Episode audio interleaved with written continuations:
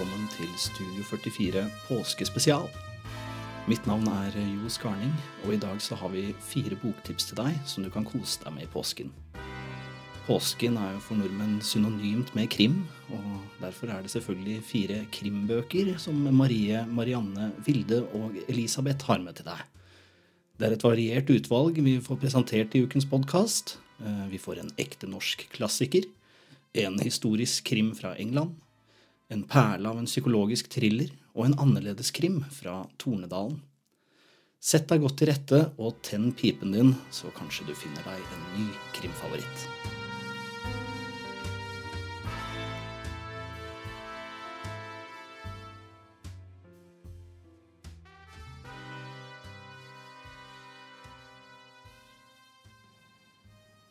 Hei, jeg heter Marie og jobber til vanlig på bibliotekene på Bekkestua og Eiksmarka.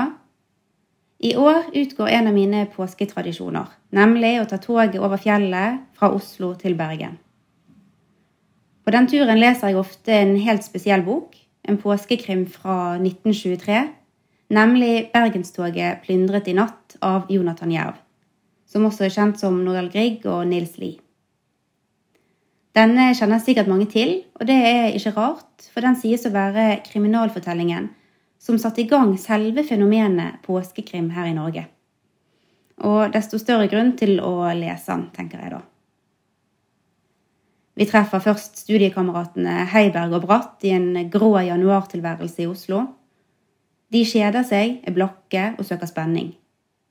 Så, fra sofaen på stamkafeen Grand, legger de slagplanen. De skal plyndre Bergenstoget natt til 1. april og forkle det hele som en aprilsnarr. De får med seg noen medsammensvorne på laget. Biologen, tiurjegeren, prikken og bokseren. Fire karakteristiske eksilbergensere i hovedstaden. Og en dristig planlegging starter. Etter hvert kommer endelig avreisens dag. Skjærtorsdag. Og de seks eh, stiger på et feriestemt påsketog mot Bergen fylt av ski, sportsklær og appelsinduft. Men ikke alt skal gå helt som de har planlagt. Og forviklingene kommer tidlig, på rekke og rad. Så gjør deg klar for kapitler om nødbremsing, basketak og en skutt konduktør, om kaving på ski i et kappløp mot eh, togets avgangstider, og ikke minst et og annet desperat hytteinnbrudd. Og denne boken er en god erstatning for enhver skitur eller hyttetur nå i disse dager. Det er en vittig og lettlest sak på omtrent 100 sider, som byr på masse spenning og humor. Du får deg en slags litterær togtur gjennom de kjente og kjære stasjonene Ål, Gol, Geilo, Ustadose. Og på vei mot Finse skjærer det seg faktisk virkelig for tyvene. Misforståelsene gjør det hele ordentlig spennende. Jeg kjenner jeg begynner å glede meg til å ta fatt på påskelesingen bare for å snakke om denne boken. Jeg humrer og koser meg hver gang jeg treffer igjen de seks kampfeilene. Denne klassikeren finner du som e-bok i Bookbites.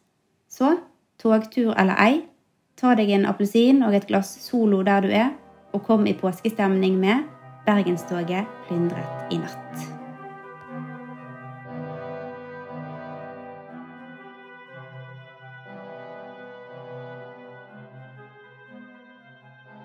Hei, jeg heter Marianne, og i dag skal jeg snakke om Child Lake-serien av forfatter CJ Sansom. Dette er historisk krim av ypperste kvalitet. Vi skal til Tudor-tiden under Henrik den 8.s regjeringstid, og jeg leser akkurat nå bok nummer syv, som er den nyeste i serien. Og har holdt, serien har holdt høy kvalitet hele veien, og er også tilgjengelig nå som e-bok i Bookbites. Hovedpersonen i serien er Matthew Chardlake. Han er sakfører, skarp som få og med en rettferdighetssans som ofte får han ut i vanskeligheter. I tillegg har han pukkelrygg, noe som til tider er veldig smertefullt, men også gjør at andre rundt han undervurderer han, noe de eh, ikke burde gjøre.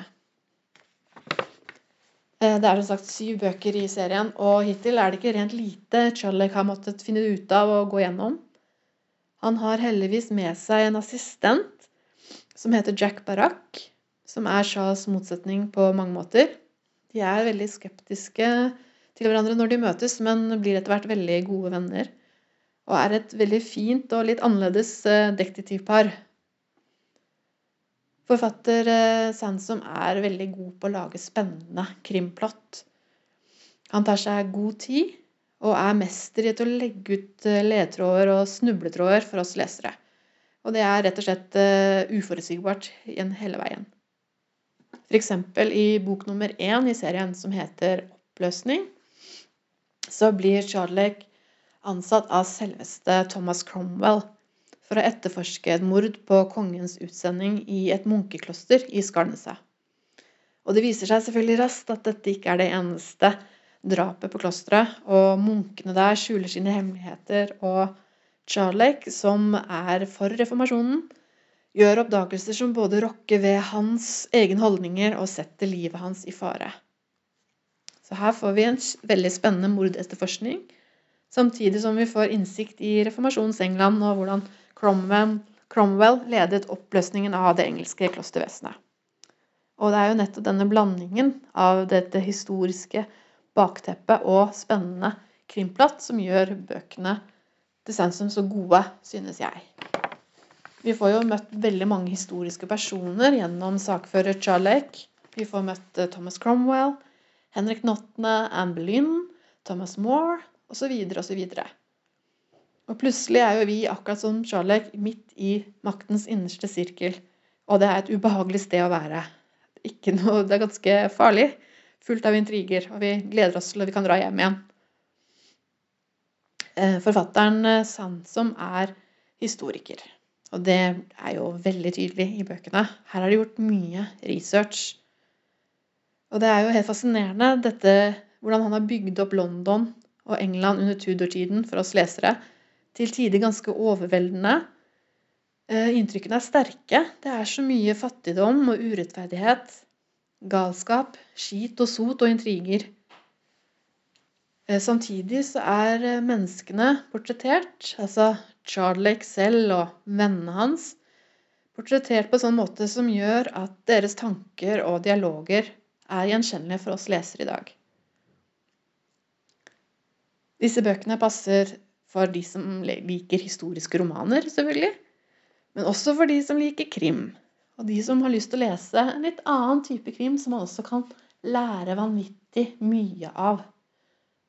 Eh, så jeg anbefaler dem virkelig. Jeg visste ikke at jeg kom til å like de så godt når jeg begynte på den serien. Men nå leser jeg én hver påske, og gleder meg alltid veldig til det. God påske.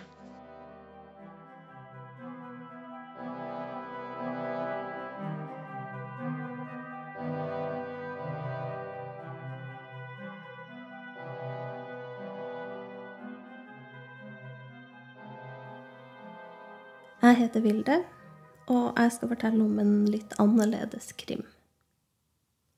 I 2019 kom den svenske forfatteren Mikael Niemi ut med boka 'Koke bjørn'. Forlaget kalte den en drivende detektivfortelling om kulturkonflikter, undertrykkelse og en revolusjonær vekkelsesprest. Kokebjørn fikk strålende anmeldelser, og vi hadde milelang venteliste på den på biblioteket. Noen husker sikkert også Niemi fra boka 'Populærmusikk fra Vittola', som kom på norsk i 2002. Populærmusikk er en morsom og ganske brutal oppvekstroman og film som anbefales på det sterkeste. Men det er verken Kokebjørn eller populærmusikk jeg skal snakke om nå. Jeg skal snakke om ei anna bok av Mikael Niemi, den som heter 'Mannen som døde som en laks. Niemi har tydeligvis ei greie for snåle titler. Mannen som døde som en laks, kom på norsk i 2006, og den har noen fellestrekk med Kokebjørn. Også den tar for seg kulturkonflikter og undertrykkelse. Det er i detektivfortelling, og handlinga foregår stort sett nord i Sverige. Mannen som døde som en laks, er, som jeg sa, ikke en typisk krim. Men den starter som en typisk krim. Hjemmehjelpa finner en 89-åring drept på bestialsk vis i sitt eget hjem i tettstedet Pajala. Kriminaletterforsker Therese Fossnes fra Stockholm blir tilkalt for å etterforske saken. Pajala er ikke et stort sted. Alle kjenner alle. Så Fossnes, som kommer fra storbyen for å blande seg inn i bygdeanliggenda, blir ikke godt mottatt. Mannen som døde som en laks, er på mange måter ei politisk bok. Niemi skriver mye om hvordan innbyggerne i Pajala-området har vært undertrykka opp igjennom, fordi de snakker en egen finsk dialekt og har en egen kultur. Han forteller annet om da den svenske kongen i 1888 bestemte at de finske bygdene skulle få bygd skoler på statens bekostning, med forbehold om at de utelukkende holdt undervisning på svensk og at de slo hardt ned på de elevene som holdt fast på sin finske dialekt. Med andre ord en situasjon som minner om hvordan samene i Norge har blitt behandla. Mannen som døde som en laks, er en veldig spennende og drivende detektivfortelling. Og det er ikke minst ei veldig sanselig bok. Niemi er sterk på miljøskildringer. Det lukter badstue nyfiska fisk, kokte poteter og bjørkeskog av den boka her. Og noen andre litt eklere ting. I disse tider finner du boka på bokhylla.no. Hvis du trenger hjelp til å finne fram til den der, så kan du kontakte biblioteket på mail, telefon eller Facebook. Og vanligvis kan du selvfølgelig låne den på biblioteket. God påske!